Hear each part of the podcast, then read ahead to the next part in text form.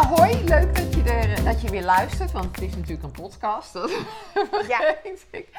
Ik ben vandaag eh, te gast bij Charlotte van Charlie's Kitchen. En ehm, nou ja, ik dus zeg altijd eerst even, stel je even voor. Dat heb ik net gedaan, maar Ja. iets uitgebreider dan. Ja.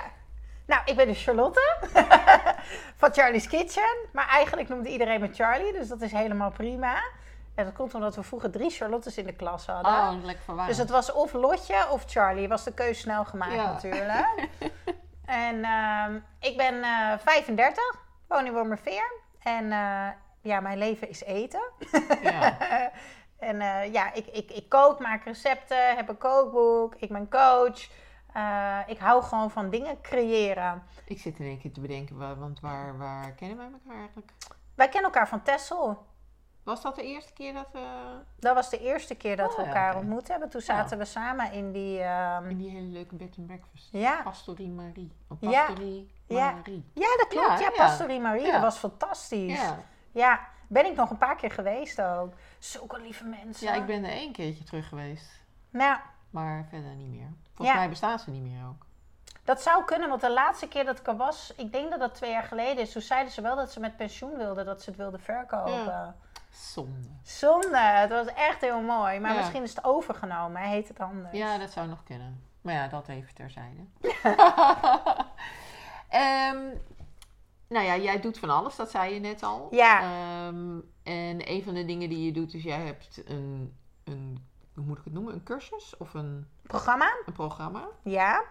En, maar hoe ben je daar zo toe gekomen? Ja. Ik heb verschillende programma's. Ik denk dat je het Echt in Balans programma Ja, bedoelt. ja. ja. Dus ik heb Charlie's Kitchen en ik heb Echt in Balans. En we hadden toevallig net al even voordat we gingen opnemen over... Jij zei, oh, ik ga meer dingen op één doen. Ik heb het juist uit elkaar getrokken. Maakt het voor mij heel makkelijk. Omdat Echt in Balans is echt voor mensen die dus volledig uit balans zijn. Met overspanningsklachten, burn-out klachten. En Charlie's Kitchen is echt meer energie en je lijf. Lekker in je vel Oh, zitten, afvallen, noem het allemaal je? Aparte website, Ja. aparte programma's, aparte Instagram. Ja, alles is apart. Oh, ik wou- ik wou zeggen, aparte Instagram heb ik dan niet meer, maar ik heb wel aparte websites. Ja, Maar, ja, ja. maar sorry. Nee, nee, dat maakt helemaal niet uit, want dat is nog niet zo heel lang zo. Dus, Oh, eh, dus vandaar, Ja. ja. ja. Nee, maar eh, eh, in het Echt in Balans programma, ehm, ja, hoe ben ik daarop gekomen? Ehm, ik ben als voedingsdeskundige, ben ik eh, hier en daar wat werk gaan doen. Ik heb bij Fitland wat sporters begeleid. Ik heb het iMover Health Center, heb ik heel veel mensen begeleid die wilden afvallen. Eh, maar waar ik heel erg eh, tegenaan liep, is dat heel veel mensen gewoon uitgeput waren. Uit balans. En die kun, je kan überhaupt geen nieuw gedrag aanleren. En in dit geval ging het om eten. Ehm, als je hele leven eigenlijk gewoon helemaal uit balans is. Ja. En ik heb zelf ook een hele erge burn-out gehad. Ehm, ik zeg, ik, ineens afgelopen week dacht ik, ik zeg nog steeds vier jaar geleden. Maar inmiddels is het al geen vier jaar meer geleden. Inmiddels is het al bijna zes jaar geleden. Want we worden ook gewoon ouder. flies. Time flies inderdaad, when you're having fun. Hè? ja, ja, ja, precies. Ehm, en tijdens mijn burn-out, eh, wat super heftig was, heb ik eh, alle dingen opgeschreven. Ik ben heel erg van het schrijven. Ik ben van de honderden boekjes, dagboekjes. Heel erg opgeschreven, ja, wat ik miste. Ja, Ik voelde me niet begrepen. Ik voelde me heel eenzaam. Kijk, als iemand zijn been breekt, dan zie je dat aan Ja. iemand. Een burn-out eh, zie je in principe niet aan Nee. iemand. Tenzij je echt in je diepste dal zit. En dan Maar zie je echt wel dat het niet goed gaat. weet je, want wat deed je toen je die burn-out kreeg? Was, was je toen al, deed je toen al wat je nu doet? Of wat? wat- Ja en nee. Ik was in de beginfase. Ja, dus ik was toen de tijd nog samen met mijn eh, relatie met wie ik getrouwd was. Ben ik bijna elf jaar samen geweest. Toen ben ik begonnen met Charlie's Kitchen. Ik werkte eerst, ik had een supergoeie baan in Amsterdam. Bij Hotel Amsterdam de Rode Leeuw. En eh, ik hield gewoon van koken. En dat deelde ik een beetje op Facebook, een beetje op Instagram. Balletje gaat rollen.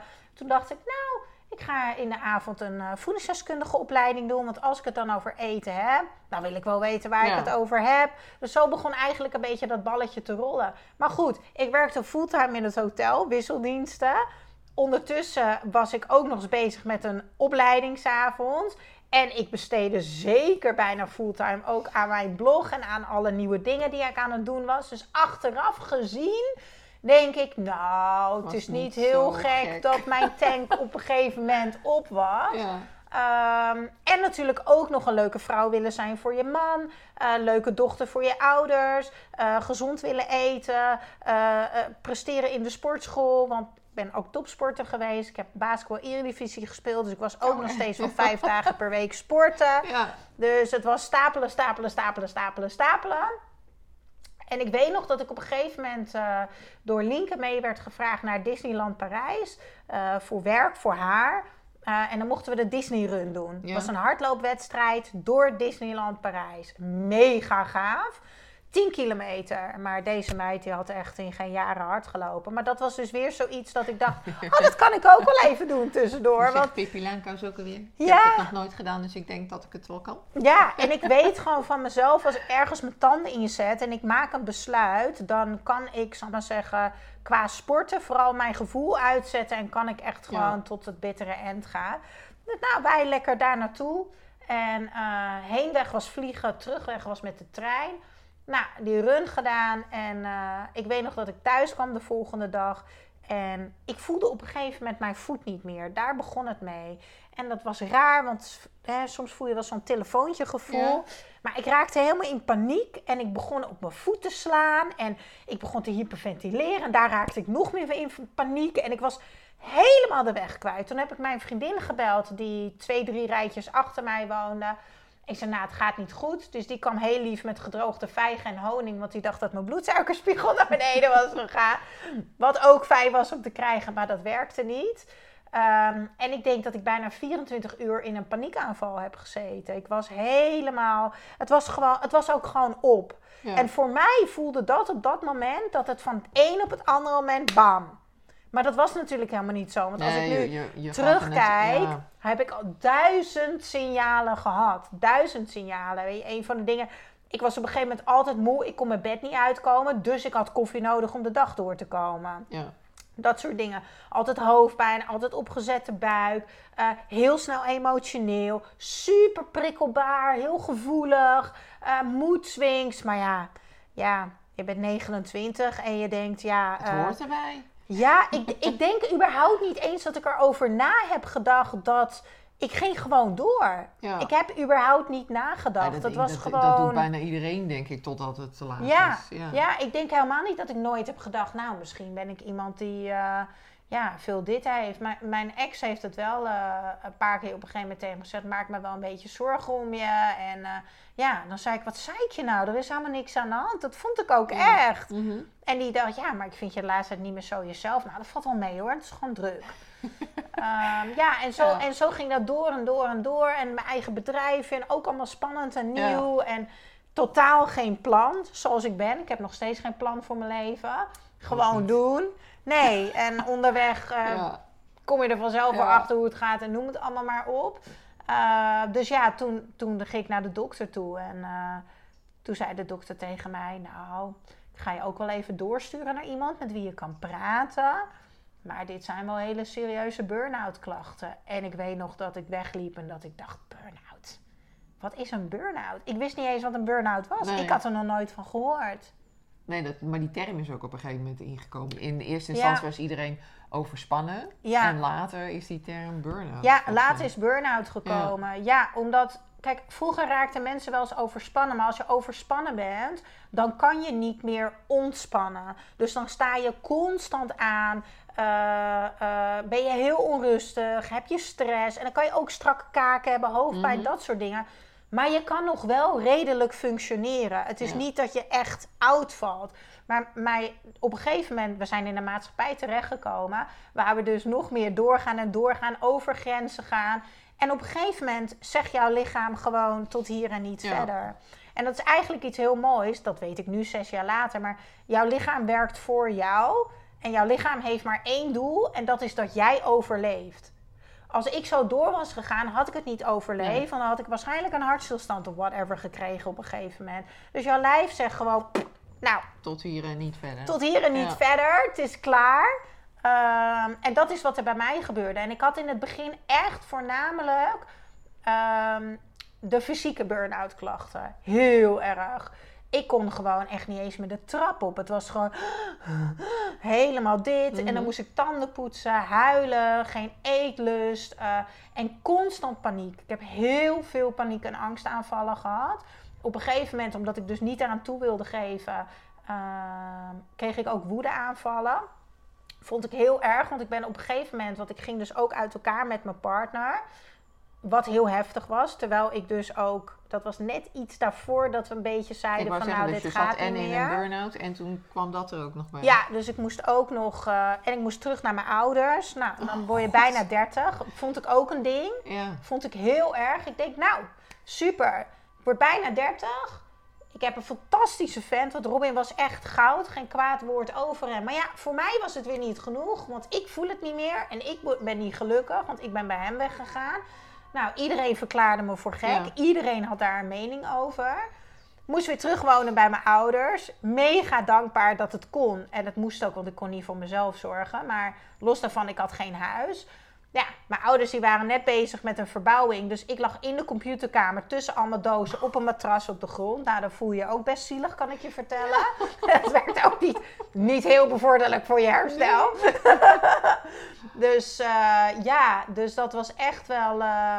nou, dat was wel een heel donker gat. Ja. Ja, en ik weet nog wel dat ik dan bijvoorbeeld heel even achter de computer zat. Want het enige wat mij eigenlijk een beetje op de been hield, was dat, dat ik tijdens mijn burn-out heb ik best wel veel artikelen toen gepost over mijn burn-out. Omdat het mij heel erg hielp om erover Ja. te schrijven. Vooral omdat ik het zelf niet begreep wat het was. Ehm, maar vooral omdat niemand om mij heen ook begreep wat het was. Want zes jaar geleden was het niet zo dat zoveel mensen een burn-out hebben zoals nu. Ehm, ja, en toen ben ik dus alles gaan opschrijven in een boekje. Want ik was heel erg op zoek. Ik was al best wel veel in mijn persoonlijke ontwikkeling, was ik al best ver. Ik had al best veel gedaan over mindset, leefstijl, noem het allemaal maar op. Eh, ja, en toen kwam ik bij een psycholoog. Ja, en dan gingen we graven en graven en graven waar het vandaan kwam. Ja, toen ik er eenmaal in zat, wist ik ook al waar het vandaan kwam. en ik geloof heel erg van ehm, het verhaal waar je in staat. hè. Mhm. Ik zeg het altijd maar, je staat in het theater op het podium een verhaal te vertellen. Je staat in een verhaal, in een show. Ja, dat is ook waar je staat. Dus als ik alleen maar in dat verhaal sta, dan kom ik dus ook niet verder. Ik wilde een nieuw verhaal creëren. Ja, en dat kon ik toen de tijd gewoon nergens vinden. Nee. Dus het was of heel erg op het psychische gedeelte.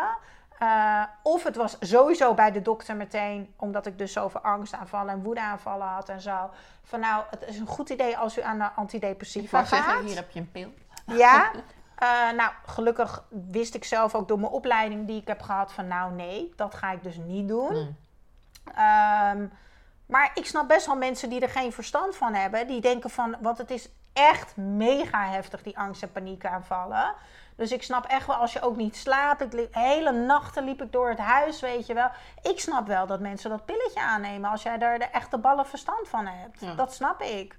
Maar ja, Ja. in sommige gevallen kan het misschien ook wel de enige oplossing, of in ieder geval de weg naar herstel Het is zijn. precies, het is ja. een prachtig middel wat iemand kan helpen om het rauwe Ja. randje eraf te halen. Maar het is niet de oplossing, Nee, want nee, het nee, komt nee, het is ergens niet de oplossing. Dat is, dat is denk ik waar, vaak, waar het vaak misgaat als je naar de gewone huisarts gaat. Ja. Dan hier heb je een pilletje en dan is het opgelost. Maar dat Ja. is natuurlijk niet zo. Nee, Dat nee. is niet de oorzaak. Ik was heel erg op zoek naar praktische dingen. Toen op een gegeven moment ben ik via via bij een eh ortomoleculair arts terechtgekomen.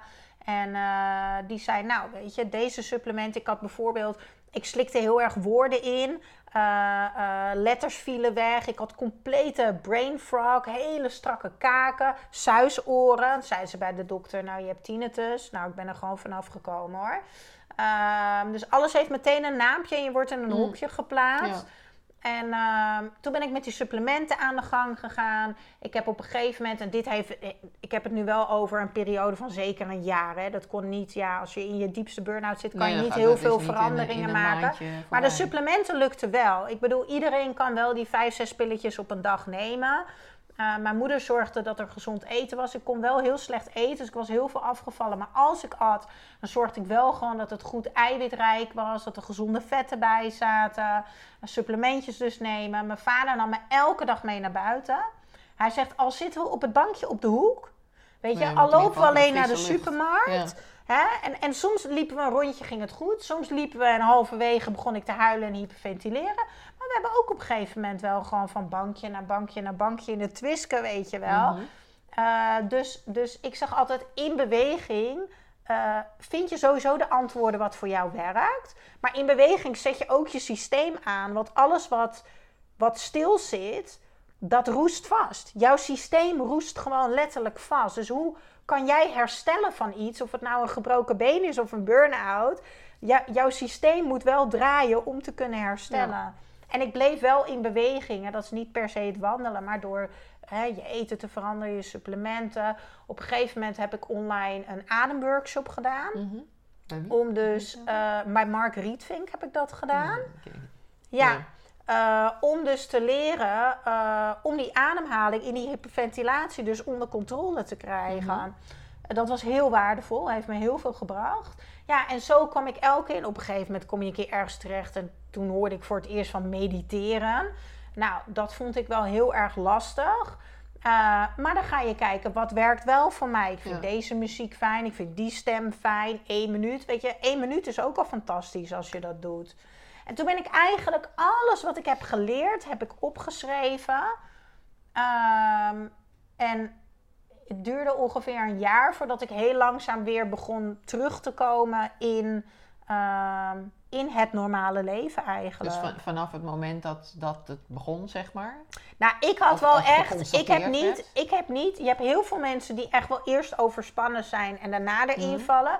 Ik stond wel echt zo uit dat het voor mij was van bam, ik zit in mijn burn-out. Ja. Maar daar, daar heeft vooraf ook al heel veel klachten aan gezeten. Maar als ik het echt heb vanaf dat Disneyland Parijs moment tot het moment dat ik weer langzaam ging werken en alles, dat heeft zeker een jaar geduurd. Ja. Ja, en dat heeft er ook mee te maken gehad dat ik, nou ja, dus in dat jaar bij mijn ouders heb gezeten, bij een vriendin. Ik had geen huis. Eh, ik had heel erg woedeaanvallen, dus ik ging me Dat heel schuldig voelen. ook gewoon. Ja, het was heel Ja, heftig. ja. Ik voelde me heel schuldig tegenover mijn ouders dat ik die persoon was die ik was. Dus ging ik bij mijn beste vriendin. Maar dan voelde ik me ook weer schuldig op een gegeven moment. Dan ging ik weer met mijn koffer daar naartoe. Joh, het was echt... Het was zelfs als ik aan het terugdenk, denk ik echt, hoe heb ik dat ook überhaupt overleefd? Maar goed, je mist een basis. Je mist basis, je mist rust. Je weet ook Gewoon een niet... plekje voor jezelf ook gewoon niet. Ja, en, en, en voor mij was gewoon het plaatje van... Ik, ik was al elf jaar met Robin en eh, hij was op dat moment de liefde van mijn leven. Maar dat, dat was op een gegeven moment weg, die liefde op die manier. En dat voelde heel erg als falen, want er was echt niks mis met hem. Hij was echt een fantastische vent. Mhm. Dat was een struggle die ik had. Waarom kan ik het nou niet voelen? Waarom Ja. is het niet goed genoeg? Maar er was ook alle plaatjes die wegvielen. Van ja, je hebt gewoon toekomst. We hebben een huis gekocht. We zijn getrouwd. Je hebt gewoon in je hoofd van hier ga ik mijn toekomst mee bouwen. En in één keer was alles weg en vrij. En toen dacht ik in één keer, ja, maar wie, wie ben ik? Ja. We waren al vanaf jongs af aan samen. En in één keer was ik onzeker. En dacht ik, maar wie ben ik eigenlijk? En wat wil ik? En waar hoor ik? En waar ga ik wonen? En, en dan begon die hyperventilatie weer. Dat Ja. werkte natuurlijk ook niet mee. Nee. En wat ik heel erg heb gedaan is omdat ik heel erg overprikkeld was. ehm, met je zenuwstelsel, dat zit bij je voorhoofd voor de mensen die het niet kunnen zien. Hier zou ik maar zeggen. Dat, dat heeft, staat zo aan voor een lange tijd. Dat ik, ik zie het als een egeltje met van die eh, Mhm. stekeltjes. Geluiden, alles, alles komt zo hard binnen. Licht, eh, ehm, dingen die je ruikt. Ehm, dus wat deed ik? Ik ging heel erg ontsprikkelen. Dus ik ging mij eh, eigenlijk ook afsluiten van het gewone leven. En heel erg thuis Mhm. zitten, eh, opsluiten.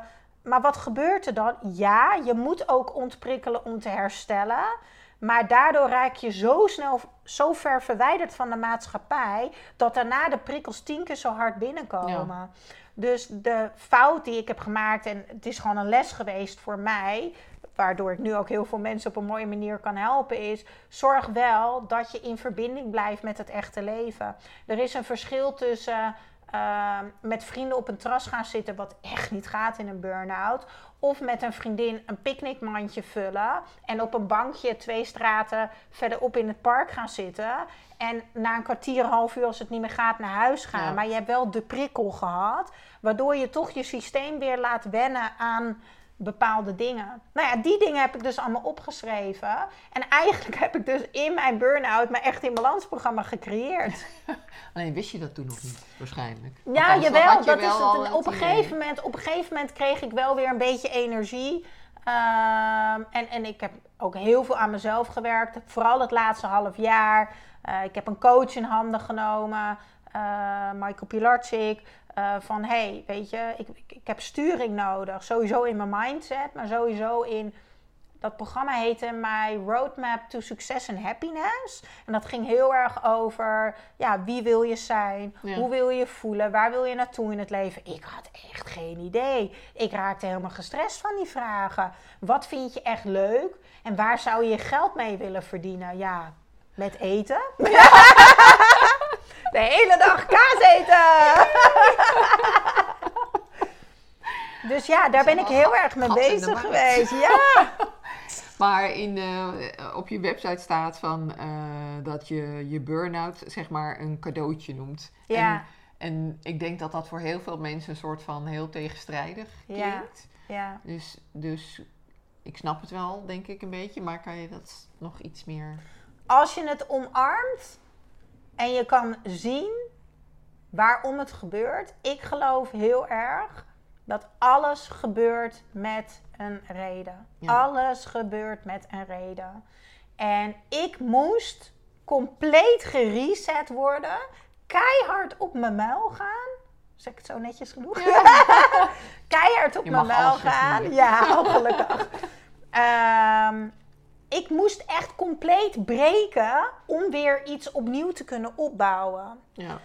En eerlijk, als je een burn-out krijgt, dan betekent dat gewoon dat jij jezelf jaar in, jaar uit fysiek, mentaal en emotioneel tekort hebt gedaan. En die confrontatie en die spiegel op je neus is heftig en intens. En ik weet dat heel veel mensen het moeilijk vinden om dat stuk aan te kijken. En dat snap ik als je zo laag zit. Ik heb daar ook gezeten. Maar als je het echt kan omarmen en kan zien wat het je kan opleveren, wat het je brengt. Want je wordt sterker, je wordt mooier, je wordt leuker, je wordt krachtiger, je wordt energieker, je wordt liefdevoller naar de ander, naar jezelf. Weet je, het geeft je echt een complete reset om je leven opnieuw te gaan bouwen zoals het goed voor jou is. Mhm. En heel veel mensen zeggen ook tegen mij: ehm, Ja, maar ik, ik ben nooit meer de oude geworden. Maar dat kan ook niet. Twee redenen. Als we het over mij hebben. Hm? Ik word ook nooit meer de oude, want er zit zes jaar verschil tussen. Ik ben nu 35, dus logisch dat ik niet meer ben zoals dat ik 29 was. Nee, Ten tweede, als ik doe wat ik toen deed, krijg je hetzelfde. je. dan krijg ik weer hetzelfde resultaat. Want dat is, je verwacht dingen van jezelf die niet normaal zijn. Nee. Die niet normaal zijn. En we gaan ons vergelijken, vaak met mannen, wat totaal geen vergelijking is. Want mannen hebben een heel ander systeem als wij vrouwen. Ehm, dus ja, het is voor mij mijn allermooiste cadeau geweest. Omdat het voor mij echt ehm, de ontdekkingsreis naar mezelf is geweest. Mega geconfronteerd met heel veel tranen en heel veel woede. En ik ben echt heel diep gegaan.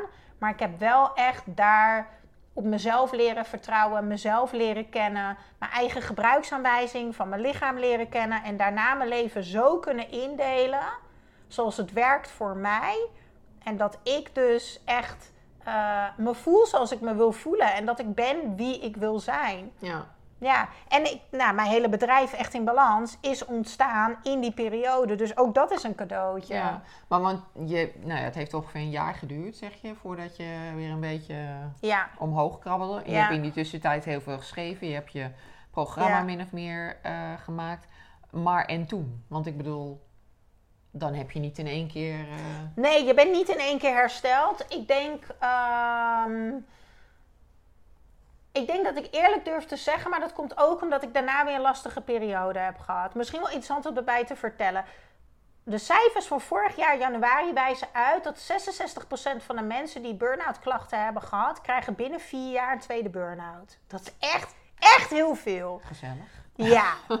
En weet je Dat is waarom? echt veel Dat is echt heel veel. En dat komt dus omdat we dus niet opnieuw gaan bouwen, Nee, maar, maar gaan lijmen en iets Ja. oplossen. En vervolgens gaan we weer hetzelfde gedrag vertonen.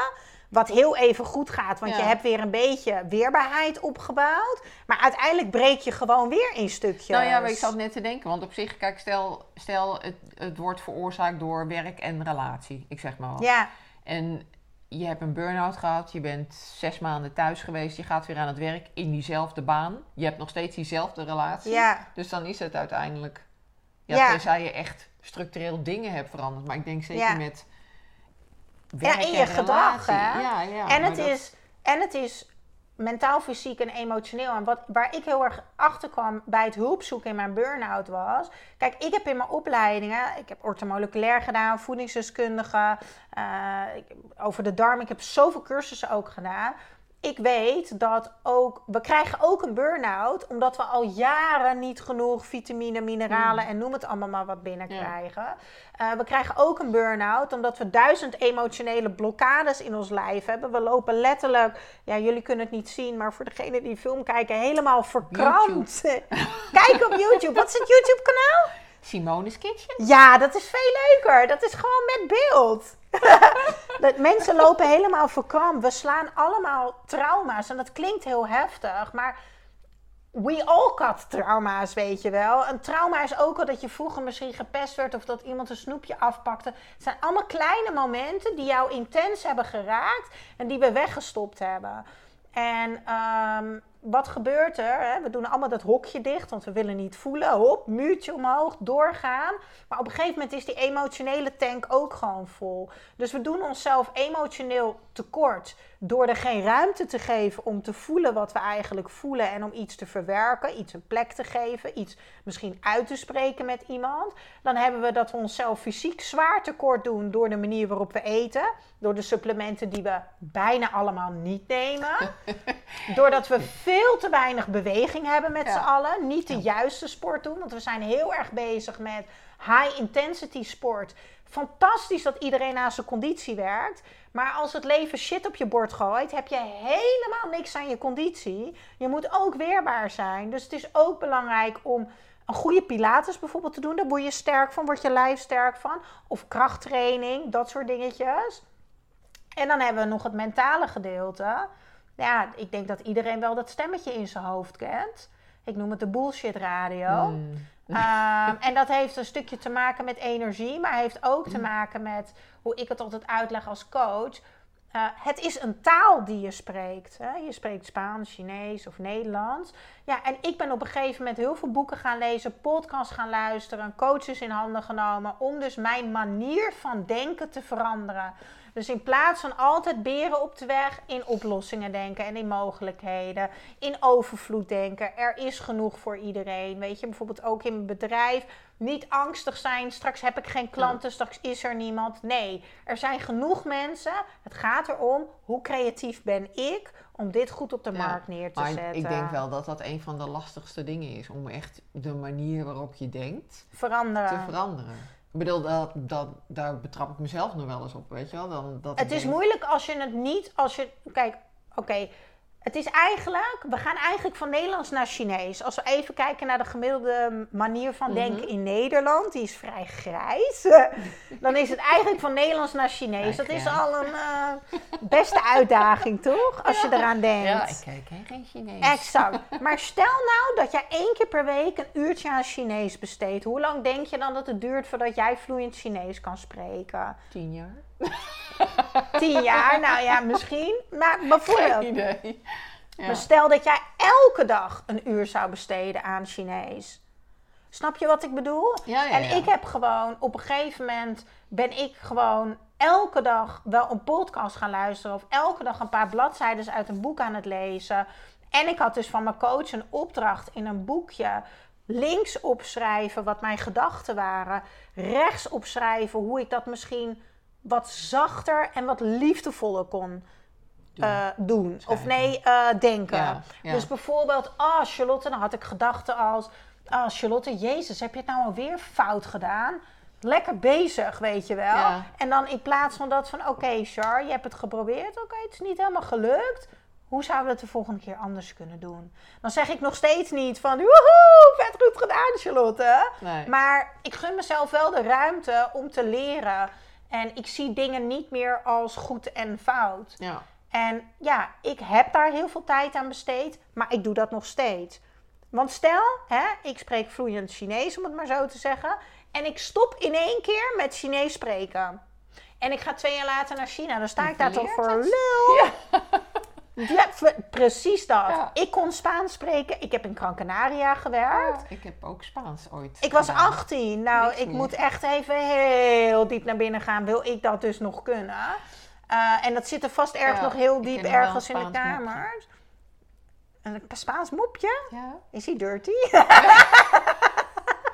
Porque toca el piano con guantes. Porque no quiero molestar a mis vecinos cuando duermen. Dat klinkt echt heel goed. Ik, ik heb geen idee wat je zegt. Dit is zo grappig. Dat is het enige. Zo, zo heel random wat dan is blijven hangen. Maar het betekent, eh, waarom speel je piano met je handschoenen aan? Omdat ik mijn buren niet wil storen als ze slapen. Slaat nergens op, maar dat is... Nou, is heel Hoezo, nuttig. hoezo is nuttig, heeft iemand jou dat ook echt Ja. verteld? I don't know. Of ik heb het gelezen in het lesboek. Ik weet het niet meer, maar het is Oh. blijven hangen. Ja.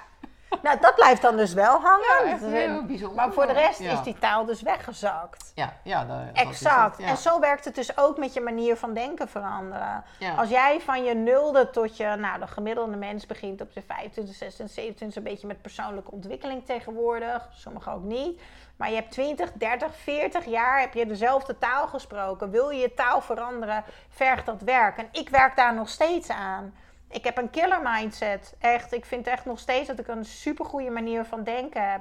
Maar dat komt ook omdat ik nog steeds een coach heb. Daar ga ik nog steeds elke maand naartoe. Ik lees nog steeds boeken erover. Ik lees nog steeds podcasts erover. En ik heb nog steeds mijn boekje. Op de momenten dat ik denk, jeetje Char, dan ben ik negatief. Ik heb dat voornamelijk Ja. als ik ga menstrueren. Dan gaat de bullshit radio lekker aan. En dan word ik een beetje angstig. En dan komt er stress. En dan ga ik die dingen opschrijven. En dan ga ik het gewoon veranderen. Want het gevolg van wat jij denkt, is wat je gaat voelen. Jouw lichaam geeft een reactie op wat jij denkt. Dus ja, als je iets wil veranderen, dan moet je hier nieuwe zaadjes planten. Om hier, ik wijs nu naar mijn lijf, Ja. iets nieuws te gaan, Ja. eh, gaan oogsten. Ehm, dus ja, nee, dus, dus om terug te komen over hoe dat dan ging na mijn burn-out. Ehm, ik heb een jaar nadat ik uit elkaar ging met mijn ex, kreeg ik een nieuwe relatie. Dat is een, een, een hele moeilijke, ingewikkelde relatie gehad waar ik heel veel pijn en verdriet heb gehad. Ehm, en daar zijn heel veel dingen gebeurd die, eh, die, eh, nou ja, die niet gezond zijn. Laten we daar maar op houden. Dat is heel zwaar voor mij geweest. En toen merkte ik wel... Kijk, het is sowieso op het moment dat jij weer kan werken na je burn-out... dan ben je sowieso nog lekker heen en weer aan het gaan in je grenzen ondervinden. Dus je Ja. zal echt, dat noem ik de setbacks. Je hebt gewoon momenten dat je even weer bam terug wordt gezet met twee benen op de grond. Oké, dit was weer even oud gedrag. Ik voel me weer benauwd of ik heb weer eh, een verhoogde hartslag of ehm, ik ben weer heel erg prikkelbaar of je hebt het weer allemaal tegelijk. Dat heb je echt nog zeker twee, drie jaar. Alleen in het begin is het één keer in de twee weken, één keer in de vijf weken. Op een gegeven moment is het één keer in de drie maanden. Op een gegeven moment denk je na een jaar, wow, oké, dat was echt lang geleden. Maar inderdaad, ik ben inderdaad weer echt wel onbewust weer een beetje in dat oude patroon gegaan. Maar wat er bij mij gebeurde is dat ik dus daarna dus in een hele slechte relatie terecht kwam. Ehm, waardoor ik dus weer mezelf aan het afwijzen was. Niet heel goed voor je herstel. Nee, was Nee. zeker niet goed voor mijn herstel. Want dat ik met hem kreeg, was ik moi op de been, laten we zeggen 40, 50 procent. En ik ben weer heel, ik ben weer helemaal teruggegaan in het oude gedrag van huh, schouders eronder. Ik ben een harde werker, wat ik al zei. Ik heb topsport gespeeld.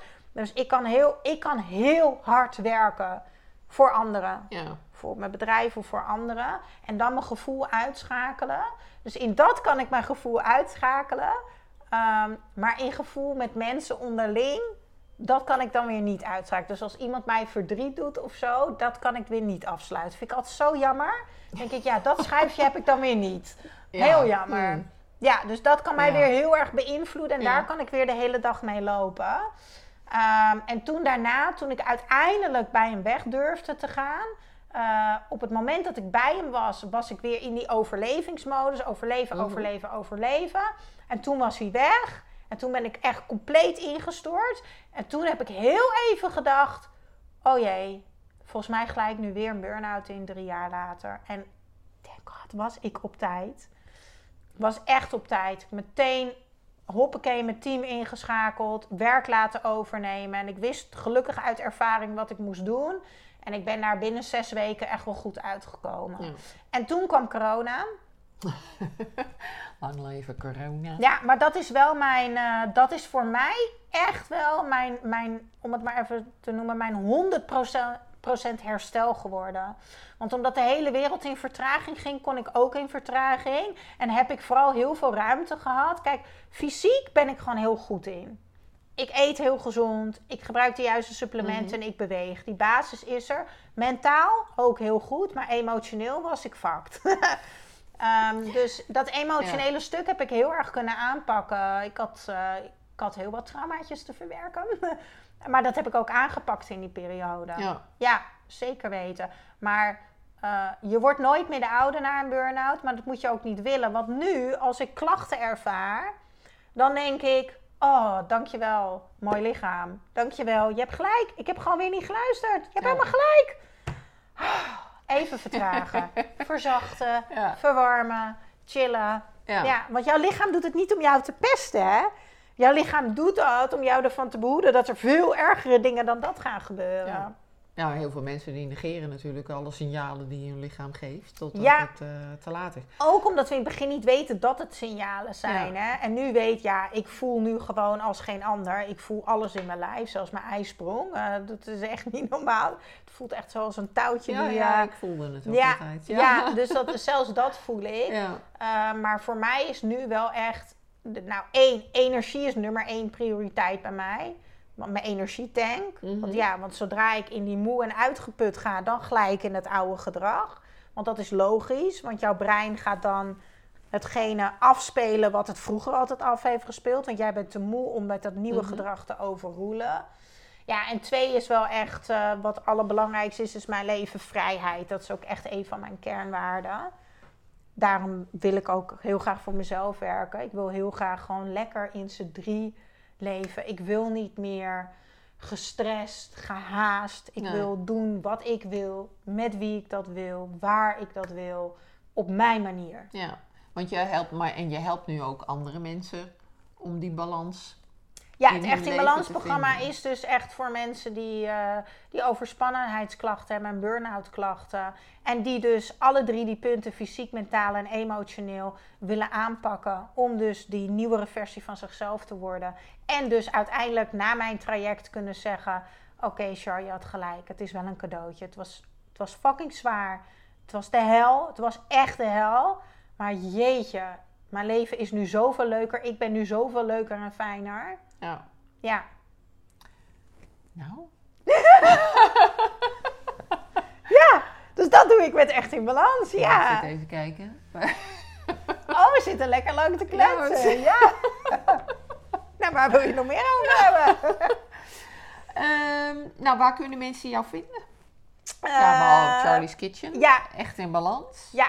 Ja, dus op Instagram en op Facebook heb ik dus twee aparte accounts. Echt in balans is dus echt voor de mensen die helemaal uit balans zijn. En dat hoeft niet eens te betekenen dat je al overspannen bent. Hè? Want ik heb bijvoorbeeld een anti-burnout challenge. En dat is juist om mensen al bewust te maken van wat ze voelen en waar ze staan. Mhm. Eh, want ik wil die 66% naar beneden krijgen. Ja. Dus ik wil dat dat naar beneden heel gaat. veel trouwens, Ja, en sowieso hebben meer dan 40% van de mensen in Nederland voor het eerst burn-out klachten. Het is echt heel hoog. En het enge is, eh, dat de leeftijd steeds verder naar beneden gaat. Ik heb nu een meisje van 21 die ik begeleid, hè, die in een zware burn-out zit. Ja, wat denk je met, met, met, met, met die telefoons de hele dag? En, Ik kan er niet bij, want en wat, ja, wat we allemaal moeten, weet Ja. je wel. En je ziet de hele dag andere mensen. Je bent ook nog eens puber. Je hormonen zijn anders. Je gaat vergelijken. En ja, weet je, ik wou echt dat we op school meer zouden leren over ons lichaam. En maar ook over eigenwaarde. Een gebrek in, eh, in Ja. eh, op school. En eigenwaarde en, en, en zelfvertrouwen. En eh, zo, nou, ik had geen eigenwaarde hoor. En dat, dat, dat kwam ik dus, daarom kwam die tweede man op mijn pad. Alles gebeurt met een reden. Ik had heel veel dingen aangepakt. En toen kwam hij en toen kwam ik erachter, nou, dit stuk, dat had ik dus nog niet zo goed aangepakt. Want anders was ik niet zo lang bij eh, deze persoon gebleven. Ja, en dan zak je zelfvertrouwen in je kleine thee. Dus ja, op Echt in Balans of op Charlie's Kitchen. eh, en daar gaat alles lekker om, eh, om energie en lekker eten en afvallen. En Of, of gewoon lekker, In je oh, lekker in je vel zitten. Dus, zoek erop. Ja, leuk als je me eh, gaat volgen. En, Ja. en laat ook weten wat je van de opname van de podcast vond. Eh, en als je er middenin zit, stuur me ook echt een bericht. Want ik weet hoe het is. eh, eh, want je hebt echt het gevoel dat niemand je begrijpt. en dat er geen licht aan het einde van de tunnel is. Nee, en ze heeft zelf ook een podcast. Echt in Ja, Balans zeker. podcast. De Echt in Ja, Balans podcast. Er staan heel veel podcasts op Heel over... eh, veel, zag ik. 200, nog wat? ja, ja, ja, ik doe er twee, drie per week. Het is echt bizar. Ja. Ik zou er nog meer kunnen doen hoor. Ik zou het elke dag kunnen doen. Maar dan denk ik, ik ga nu al te snel voor de mensen. Ja. Ja. Maar mijn podcasts zijn wel maar 10 minuten of ja, een zijn kwartier. vrij klein. hè? Dit is een vrij lange Ja, podcast. ja. Meestal die van Maar wel maar gezellig. Ja. Nou, dat was hem denk ik. Ja, dankjewel Ja. dat ik de gast mocht zijn. Ja, Thank superleuk. you. Dank jij. Dank jij. Thank you. Doei.